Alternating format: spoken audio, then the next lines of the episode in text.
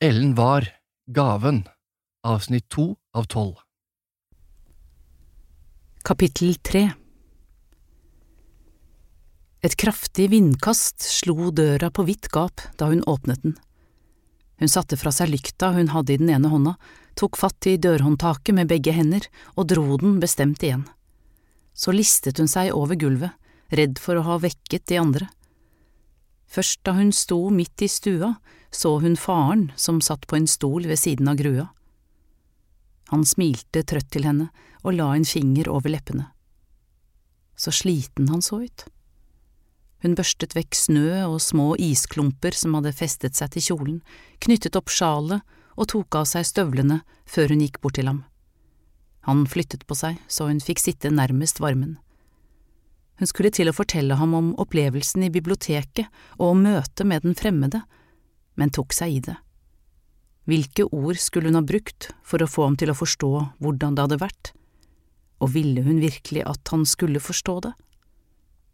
Det sved i kinn og fingre, tærne kjentes som istapper. Hun flyttet de fuktige strømpene enda litt nærmere flammene. Hvor lenge skulle den fremmede bli værende på gården? Kom han alene? Hadde han en kone han skulle vende tilbake til, i et herskapshus i Kristiania? En kone med enda penere kjoler enn fru Mustad, med glatte hender som ikke utførte hardere arbeid enn med nål og tråd? Men hva spilte det for rolle? Hun strakte hendene fram mot varmen og kjente hvordan det smertet og prikket da kulda sakte forlot fingrene og tærne. Hva var vel byhender mot det virkelige livet? Nei, hun hadde andre ting å tenke på. Hva hjalp det vel om hun kunne lese i Pontoppidans bok hvis Hans mistet benet og Jon ble sendt i skogen? Hun hadde trodd at hun skulle klare å hjelpe, men ingenting hadde hun lyktes med. Fru Musta hadde nektet, og herr Musta hadde sovnet. Hun stirret mismodig ut av vinduet. Månen var hennes eneste lyspunkt på veien hjem, nå skinte den over Sevald og fant veien etter henne inn gjennom ruta. Hun sukket. Du skulle ikke ha sittet oppe og ventet på meg, far, det er sent, at du skal tidlig opp. Kirstine er blitt verre, hvisket han, jeg må passe varmen. Ansiktet, som alltid var friskt av vær og vind, virket gustent i månelyset. Over panna gikk dype furer, og under øynene var huden posete og mørk. Hvordan kunne hun glemme lillesøsteren? Anne reiste seg stille og listet seg bort til senga hvor Kirstine sov sammen med moren. De lå tett inntil hverandre. Det lyse, slette håret lå klistret mot det røde, feberhete kinnet. Pusten hennes var hektisk. Hun knyttet nevene så neglene skar inn i håndflatene. De måtte ikke miste Kirstine også. Så lykkelig moren hadde vært da Kirstine kom til verden. Det var den første våren på Sevald etter at de hadde flyttet fra Seter. I alle år hadde Anne hørt at det var hun som hadde det gjeve utseendet til moren, høyreist og lys, med høye kinnben og klare, blå øyne men da Kirstine ble båret til dåpen, var det ingen som var i tvil, det var den lille som hadde arvet morens utseende. Anne listet seg tilbake. Hun hadde nok forstått det selv, lenge før Kirstine kom til verden, det var faren hun selv lignet på, både i sinn og skinn. Han la armen trygt rundt henne da hun satte seg, så hun kunne hvile hodet mot skulderen hans. Han luktet en blanding av våt furuskog og svette kanskje kvae også?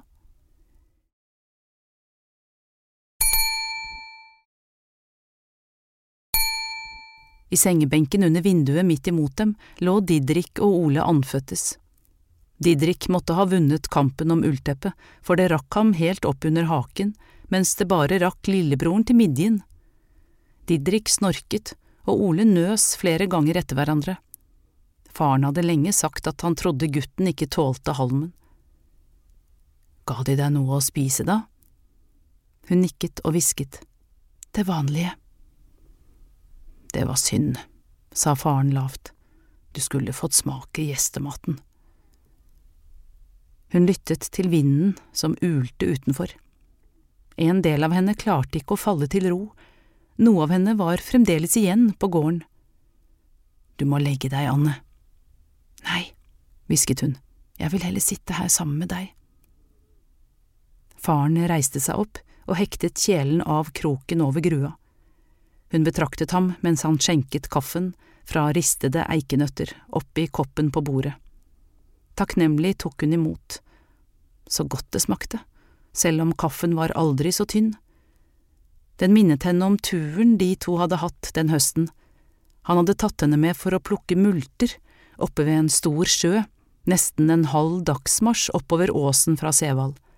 Slitne, men fornøyde, hadde de satt seg nede ved vannkanten med spannet fullt av gule bær, og plutselig hadde han pekt over på den andre siden, og der, inne i et skogholt, sto en bjørnebinne med to små lodne unger.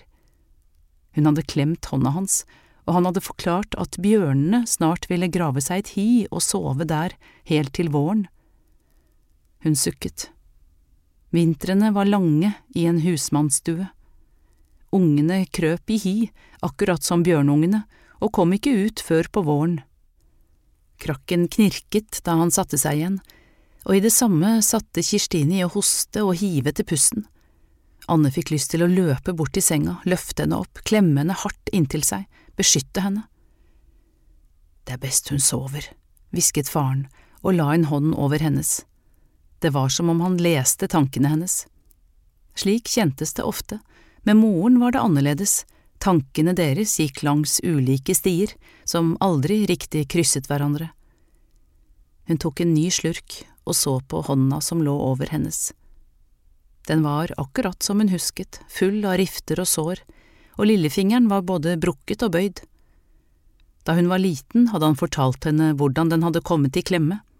Det hadde hendt en gang han bandt de store trærne på sleden, og det var etter det at den hadde vokst seg skjev. Hans er syk, hvisket hun. Jeg vet det, sukket han, jeg var borte på seter tidligere i uka, og han har det ikke godt. Det aller verste er nok bekymringene, hva som skal skje med familien. Men det er blitt verre, far. Han så alvorlig på henne, rynket panna så furene ble enda dypere. Har du snakket med Jon? Hun nikket. På veien til Mustad i dag. Han sier at Ingunn frykter det skal gå koldbrann i såret. Faren gned nevene mot hverandre og ristet på hodet. Er det blitt så ille? Jeg vet om en som kan hjelpe, far. Hva sier fru Mustad?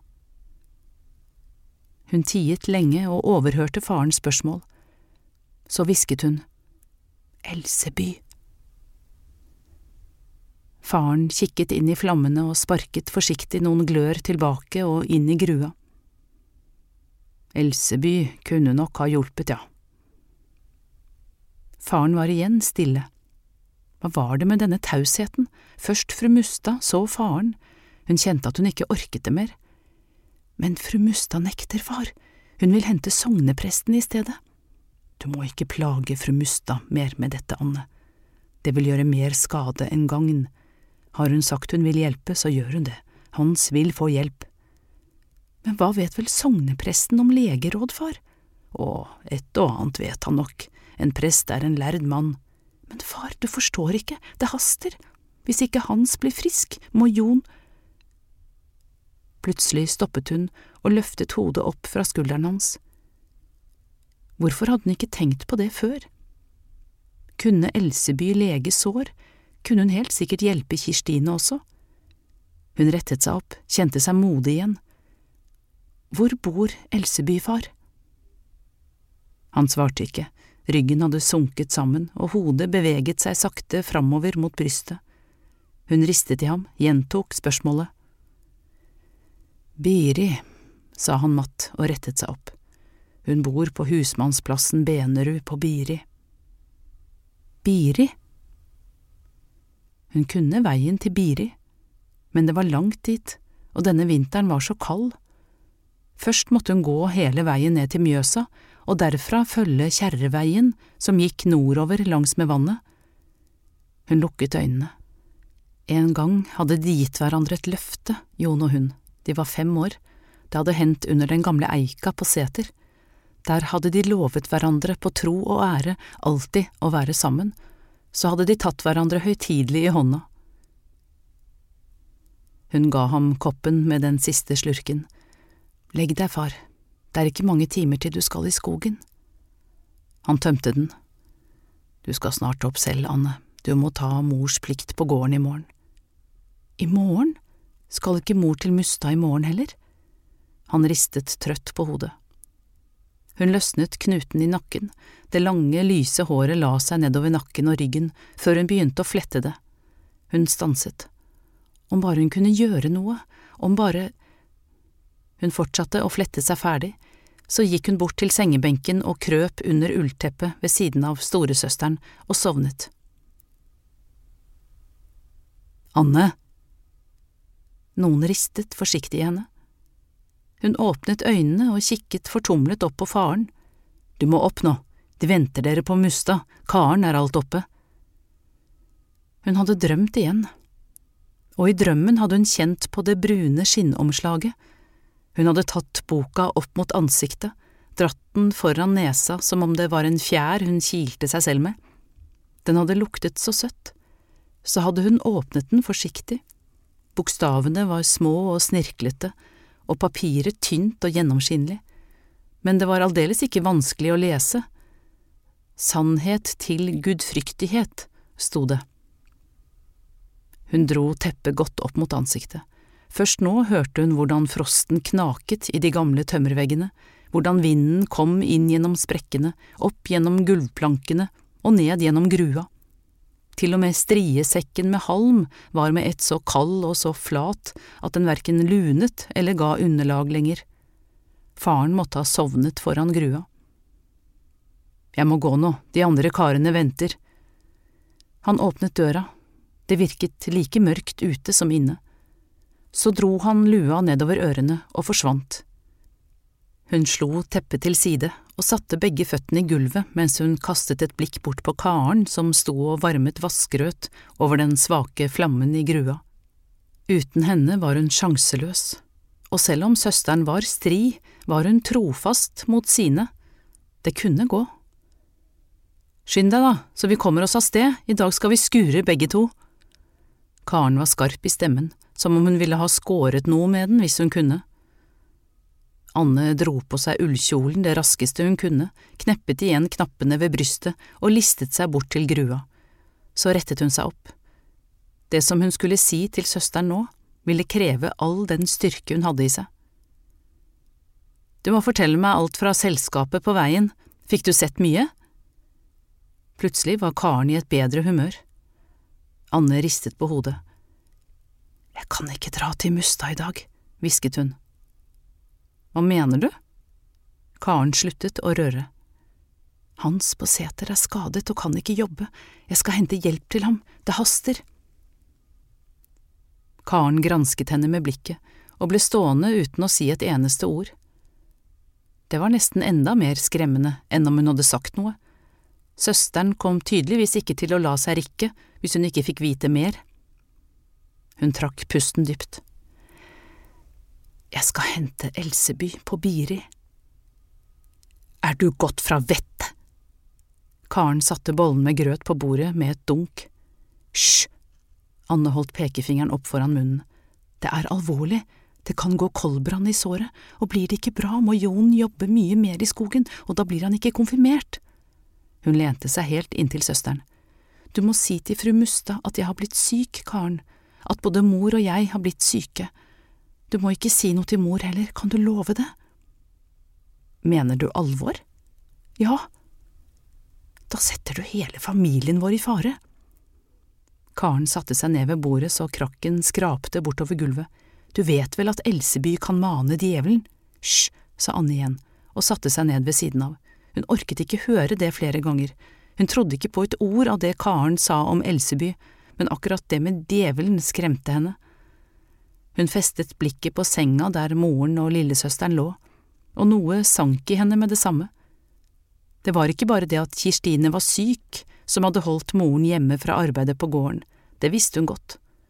Moren hadde helt mistet livsmotet etter at Ole døde, gode, lille Ole, fem somre gammel, med de lyse krøllene og de lubne armene som bare ble tynnere og tynnere. Bedre ble det ikke da hun mistet den lille jenta like etter fødselen. Det var viktig at både hun og Karen gjorde sitt på gården, såpass skjønte hun, skulle de få bli på Sevald. Hun skulle ta igjen så det monnet, bare hun fikk ordnet dette. Elseby vil bare det gode, hvisket hun. Vi kan bli kastet ut, sa Karen med grøt i munnen. Far leier bare denne plassen, det vet du godt, det er ille nok at mor ikke har vært på Mustad på lang tid. Det vet jeg vel, svarte Anne iltert. Faren leide plassen, og ikke hadde de jord. Ingen behøvde å fortelle henne det. På seter hadde de i hvert fall hatt et lite stykke jord som han dyrket opp etter at plikten var gjort, og som ga dem et par tønner korn gjennom vinteren. Nå hadde de knapt penger til å kjøpe mel for, for alt han tjente i skogen gikk til leie av plassen. Ikke vær frekk. Karen kløp henne i armen. Spis nå, så vi får godt. Mor skulle ha sendt bud på Elseby da Ole var syk. Hun tok skjeen og spiste sin del av den oppsprukne, grå grøten mens tårene rant. Hun visste ikke om hun gråt fordi hun savnet Ole, eller fordi Karen akkurat hadde kløpet henne, som om hun var et barn. Hun kunne fike til henne. Fru Mustad nektet, hvisket Karen sint og tørket vekk en grøtflekk fra det grå kjolebrystet.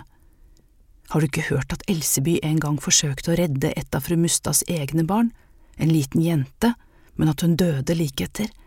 Alle snakker om det, hvordan den lille var blitt forbannet. Anne ristet på hodet. Jeg sladrer ikke med de andre tjenestepikene på gården, sånn som deg.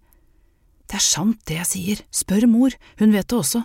Nei, sa hun raskt, det behøver jeg ikke. Det var Karen som var frekk, men hvis det var sant, det Karen sa, så var det jo synd på fru Mustad. Det er ikke bare husmannsfolk som mister barna sine, forstår du. De grønne øynene gnistret. Men nå må vi gå. Anne svarte ikke, bare reiste seg stille opp og fant fram støvlene mens hun tenkte på fru Mustad. Helt fra hun var liten hadde fru Mustad fulgt med på henne, spurt etter helsen hennes, dyttet til henne noe godt når hun var innom gården. Hvordan kunne hun tenke på å gjøre noe mot hennes vilje?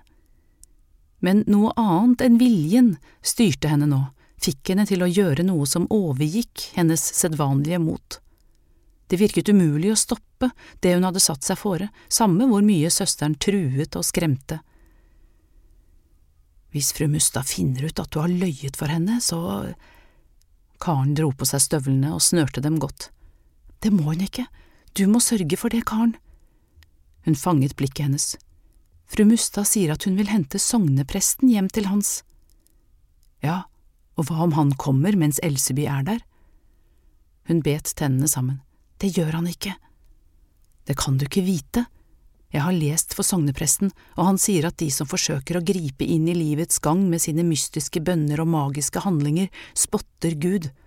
Det er det Elseby gjør, hun spotter Gud, Anne. Lyve for fru Mustad får du gjøre selv. Karen knyttet sjalet rundt skuldrene og gikk mot døra. Mystiske bønner og magiske handlinger? Et groblad og noen strå det hadde ikke virket verken mystisk eller magisk på henne, men virket hadde det. Sårene hennes hadde grodd på en dag, ingen svie, ingen kløe, ingen arr. Og dessuten hadde vel ingen sett sognepresten med doktorveske annet enn på storgårdene. Det Elseby gjorde, var riktig, hun spottet ikke Gud, hun brukte bare naturen og alt som var i den, til å helbrede mennesker. Anne hadde selv sett kurven hennes full av blomster og strå, Elseby sa ikke nei til å komme ut til selv de usleste stuene når noen var i nød. Øynene hennes hadde vært kloke, hendene hennes varme og gode. Elseby var den gode kraften, for hun gjorde ikke forskjell på folk.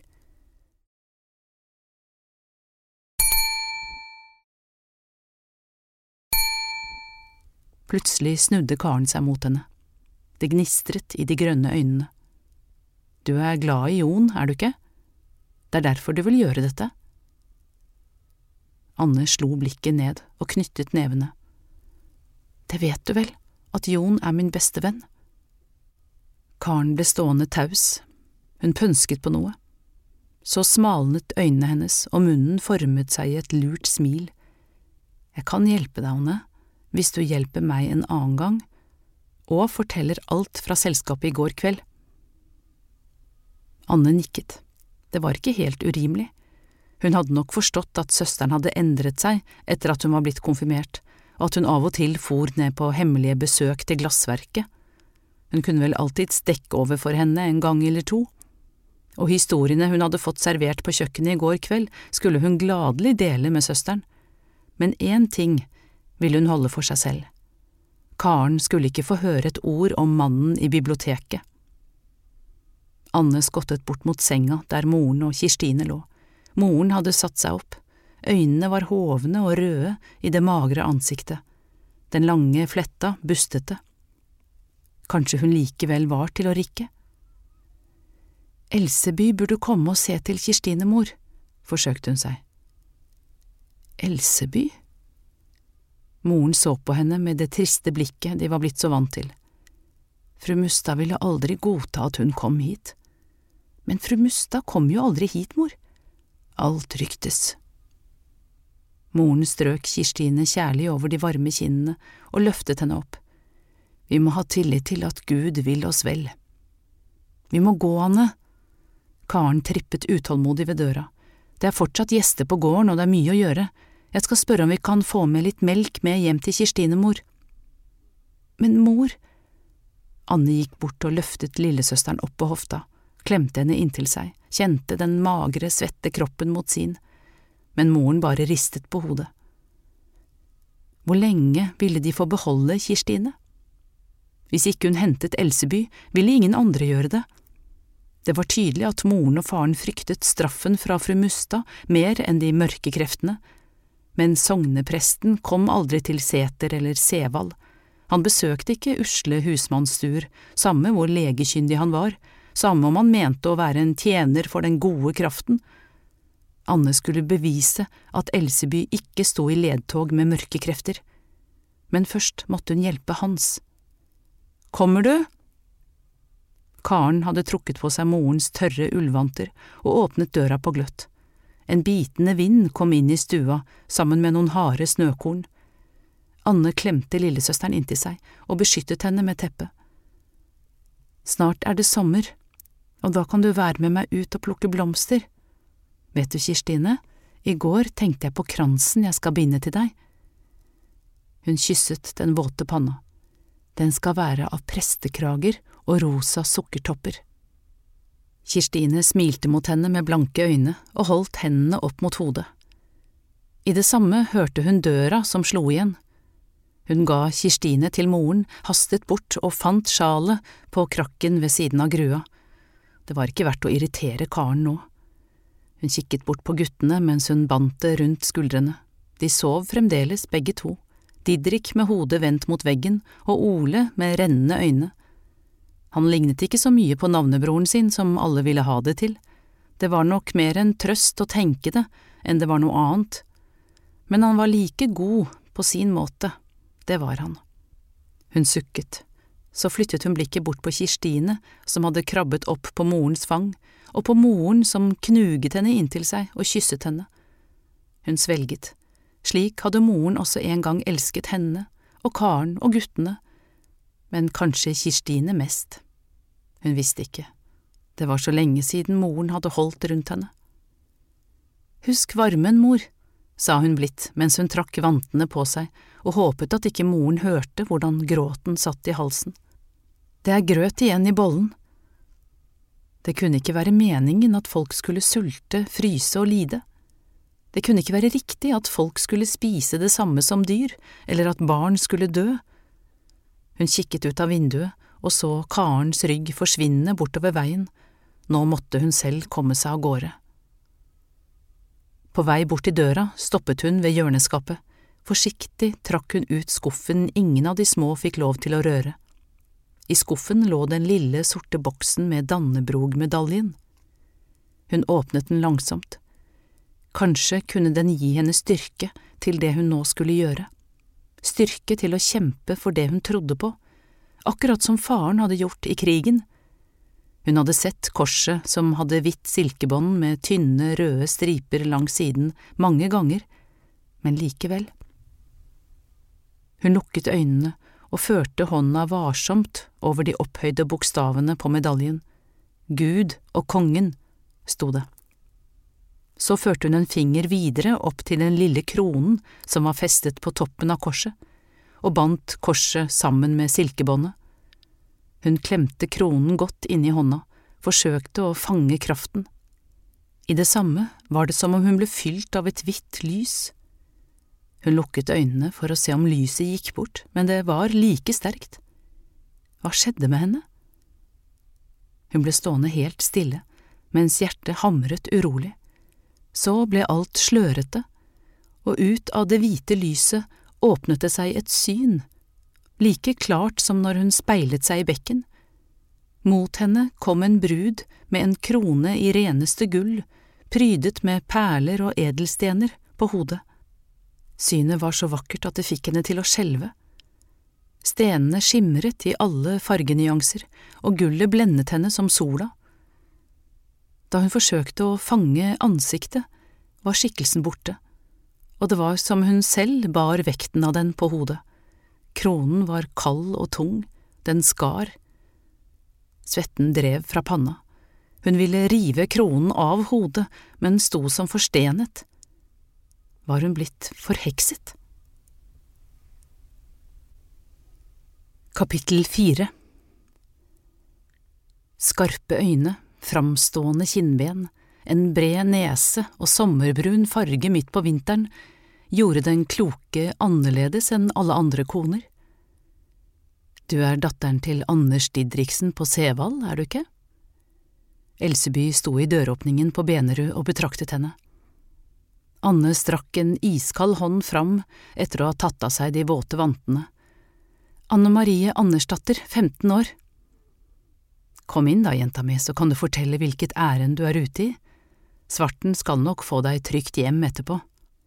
Den kloke pekte bort på hest og slede som sto under et nedsnødd vognskjul mens hun nikket bestemt. Det er ikke meningen at en ung jente skal behøve å gå alene langs med veiene midt mellom jul og nyttår. Anne smilte takknemlig og fulgte etter henne inn. Det var som om selve sommeren var der inne, enda det var midt på vinteren. Stua var ikke stort større enn den på Sevald, men der sluttet likheten. I taket var det trukket snorer, og ned fra snorene hang det tørkede planter og blomster blant røtter og rotstokker. Langs veggene var det blåmalte hyller med neverkurver og bokser av forskjellige størrelser og slag. Anne hadde aldri i hele sitt liv sett noe lignende, men samtidig kjentes det som om hun hadde vært her før. I den andre enden av stua lå to små barn og sov. Ved siden av senga sto ei vugge som det kom små klynk fra. På en benk ved vinduet satt en mann og spiste. Hun neide. Under stolen hans lå en sort katt med hvitt bryst og stirret på henne med smale, grønne øyne. Et øyeblikk tenkte hun på Karen. Hun var nok for lengst framme på Musta, søsteren måtte bare ikke svikte henne nå. Mannen reiste seg, sa at han het Johannes og bød henne sin plass ved bordet. Han så vennlig ut, og også mer velfødd enn alle de andre husmennene hun kjente. Han hadde brunt, krøllete hår, rødlig skjegg og små fregner over neserota. Jeg går ut og graver fram sleden, jeg, sa han og smilte, så kan dere finne ut av det her inne. Anne smilte og neide og følte seg lettet. Enda så snill Johannes så ut, ville hun helst snakke med Elseby alene. Elseby satte en kopp foran henne. Hånda var gyllen og slett ikke hoven og sår av grovarbeid som hennes. Takk. Det røk varmt opp fra koppen, og hun syntes hun kunne kjenne duften av både hjertensfryd, engfiol, hyll og mynte. Hun fikk lyst til å spørre Elseby om det stemte. Det var en hemmelig lek hun hadde holdt på med for seg selv så lenge hun kunne huske, å skille alle mulige blomsterdufter fra hverandre. Er du sulten, Anne? Nei da, skyndte hun seg å si, men angret med det samme. Tenkte på dem der hjemme og maten de skulle dele. Det sved bak øynene, men hun skulle ikke gråte nå. Elseby la hodet på skakke og så på henne. Uten å si noe brøt hun et par store biter av brødet som lå igjen etter Johannes, og skar noen tykke osteskiver. Spis først, og så får du fortelle meg hvorfor du har gått hele den lange veien. Anne skalv på hendene og forsøkte å spise så sakte hun bare kunne, men det var ikke lett. Så sulten hun var, og dette var ekte brød, saftig rugbrød, og osten smakte som nykinna smør. Hun tygget på altfor store biter mens hun holdt blikket fast på brødbiten som fremdeles lå foran henne, lik et dyr som voktet over byttet sitt. Ikke før Anne hadde fått i seg hver eneste smule, snakket Elseby. Nå får du fortelle, Anne, hva som har brakt deg hit. Du er visst ikke syk selv, bare fryktelig sulten og kald etter den lange turen. Lillesøsteren min, Kirstine, er syk. Anne svelget. Hun er så varm, hoster og sliter med å trekke pusten, jeg er redd hun ikke kommer til å få leve. Hun kvalte et hikst og rettet seg opp i ryggen. Vil du at jeg skal være med deg hjem og se til henne? Nei, det går ikke. Så var det likevel umulig å holde tårene tilbake, hun gråt så hele kroppen ristet. Jeg forstår, sa Elseby, mild i stemmen. Kanskje jeg kan sende med noe du selv kan gi til søsteren din? Hun gikk bort og løftet fram en av neverboksene som sto på den øverste blå hylla. Dette skal du gi henne å drikke, så skal du nok se at det hjelper den lille. Hva er det? hikstet Anne og tørket bort snørr og tårer fra ansiktet med kjoleermet. Det er tørket sisselrot. Du har sikkert sett dem i skogen, de står grønne både sommer og vinter.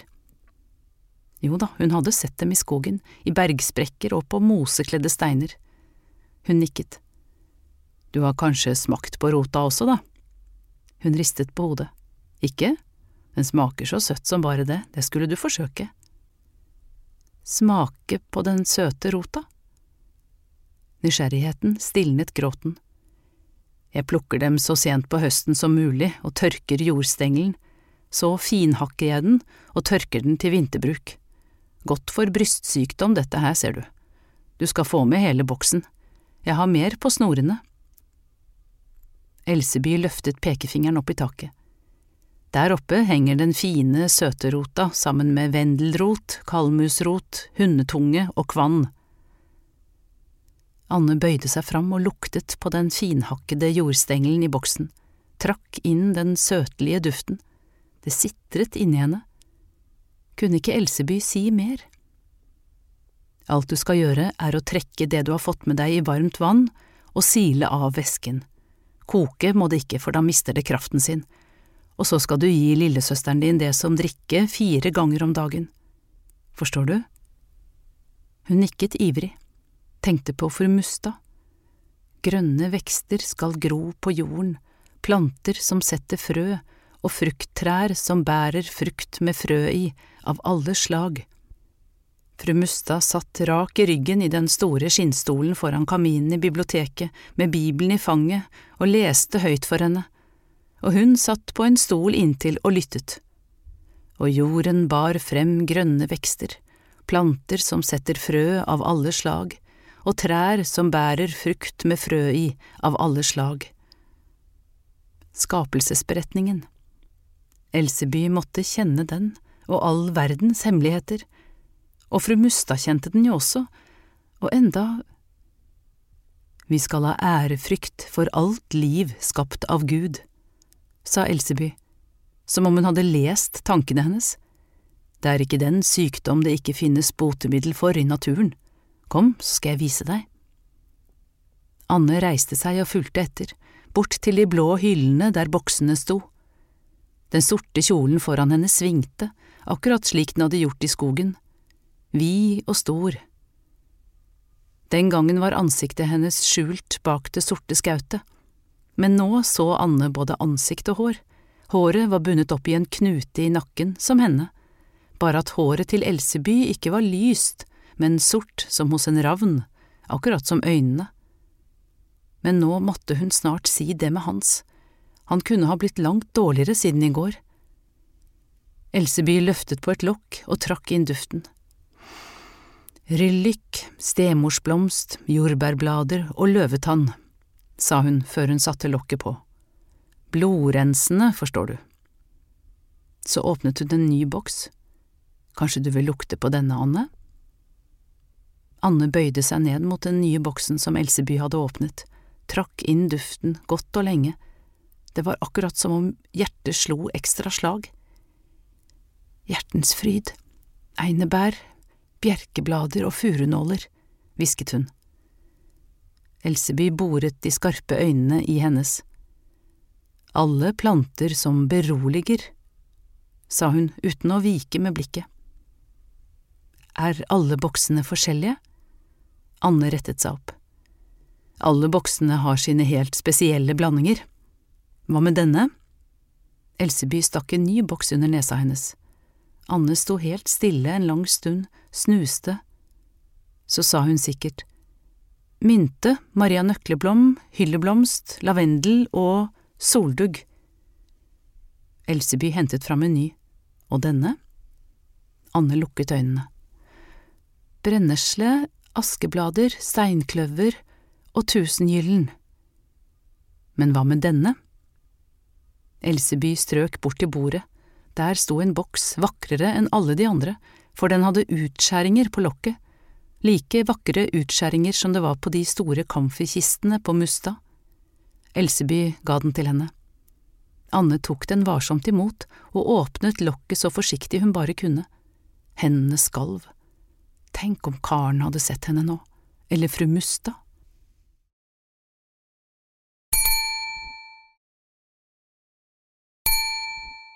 Foran henne lå en sjø av mørkfiolette kronblad.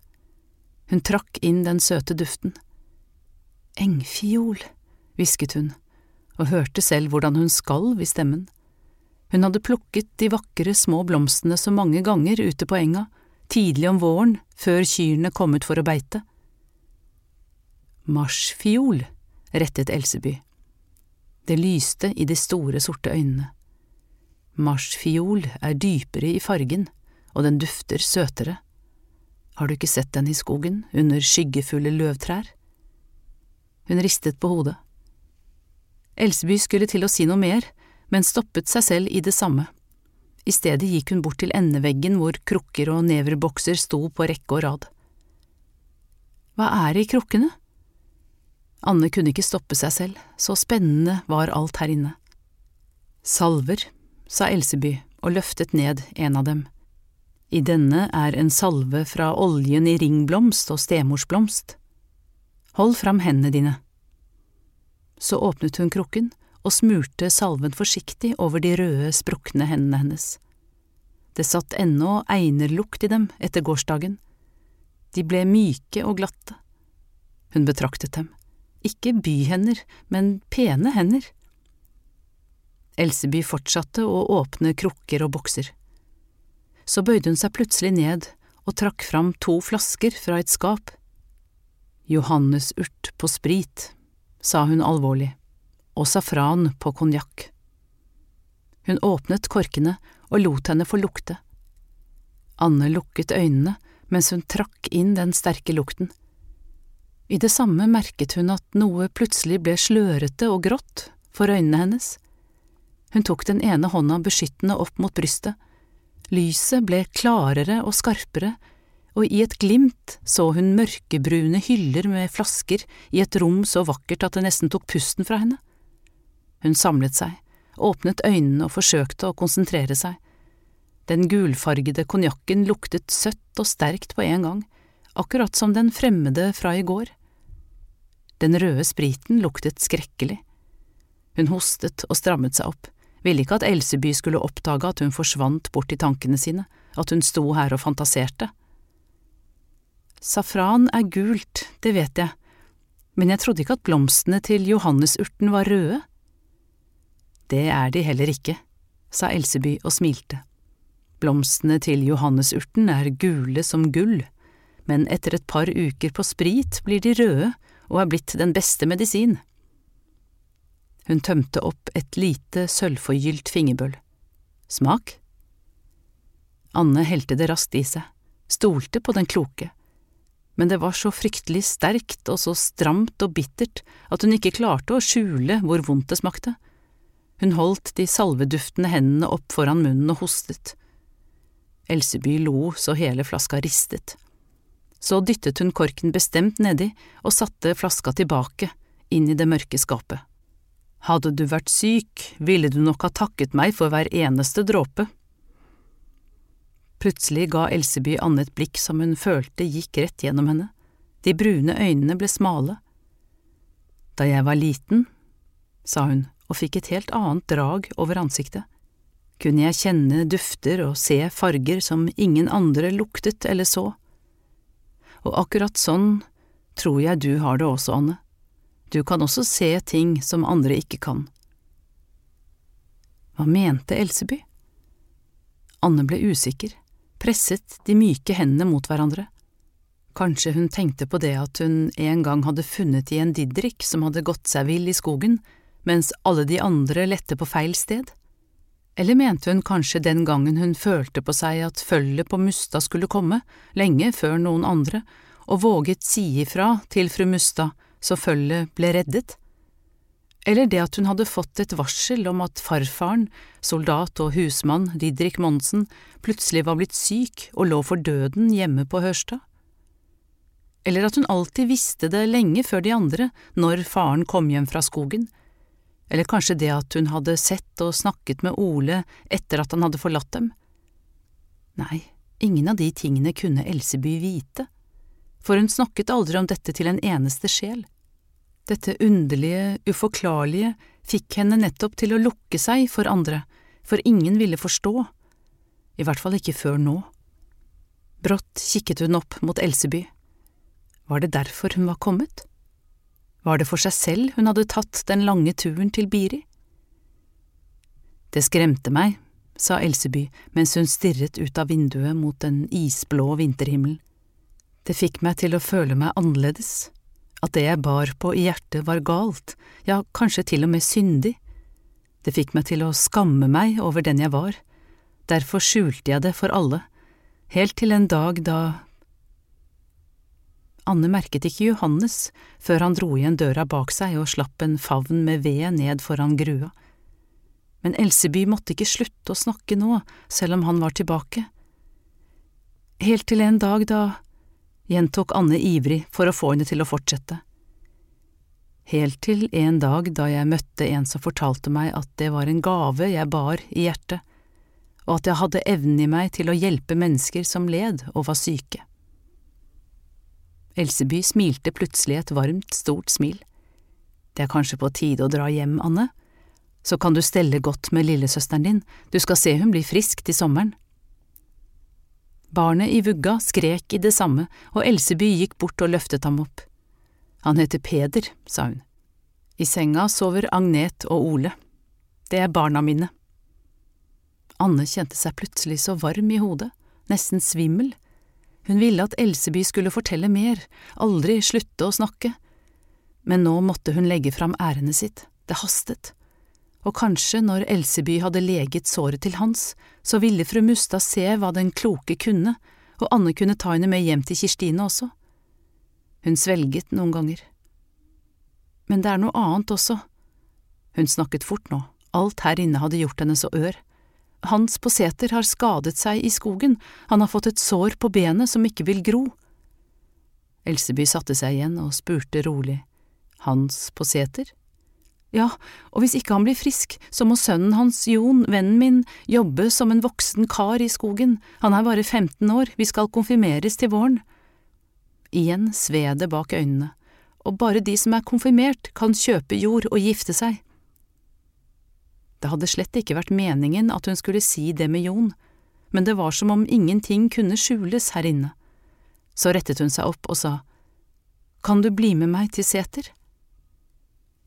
Elseby gikk rolig langs med hyllene. Det så ut som om hun konsentrerte seg om hvilke bokser hun skulle ta med. Så la hun hånda på én, trakk den litt ut, sto og vurderte før hun skjøv den bestemt inn igjen. Til slutt la hun varsomt tre bokser ned i reisekisten som sto på bordet. Da tok Anne motet til seg nok en gang og hvisket. Jeg tror ikke de kan betale deg, de har ingen penger. Jeg skal ikke ha betalt, svarte Elseby og knyttet det sorte skautet under haken. Jeg er bare en hjelper for en høyere makt. Men du kan gjøre gjengjeld? Hvordan da? spurte Anne engstelig. Elseby hadde satt seg ned på stolen med reisekisten på det sorte fanget. Nå så hun like mørk og skremmende ut som den gangen i skogen. Det klemte i brystet så hun nesten ikke fikk puste. Hva kunne Elseby kreve?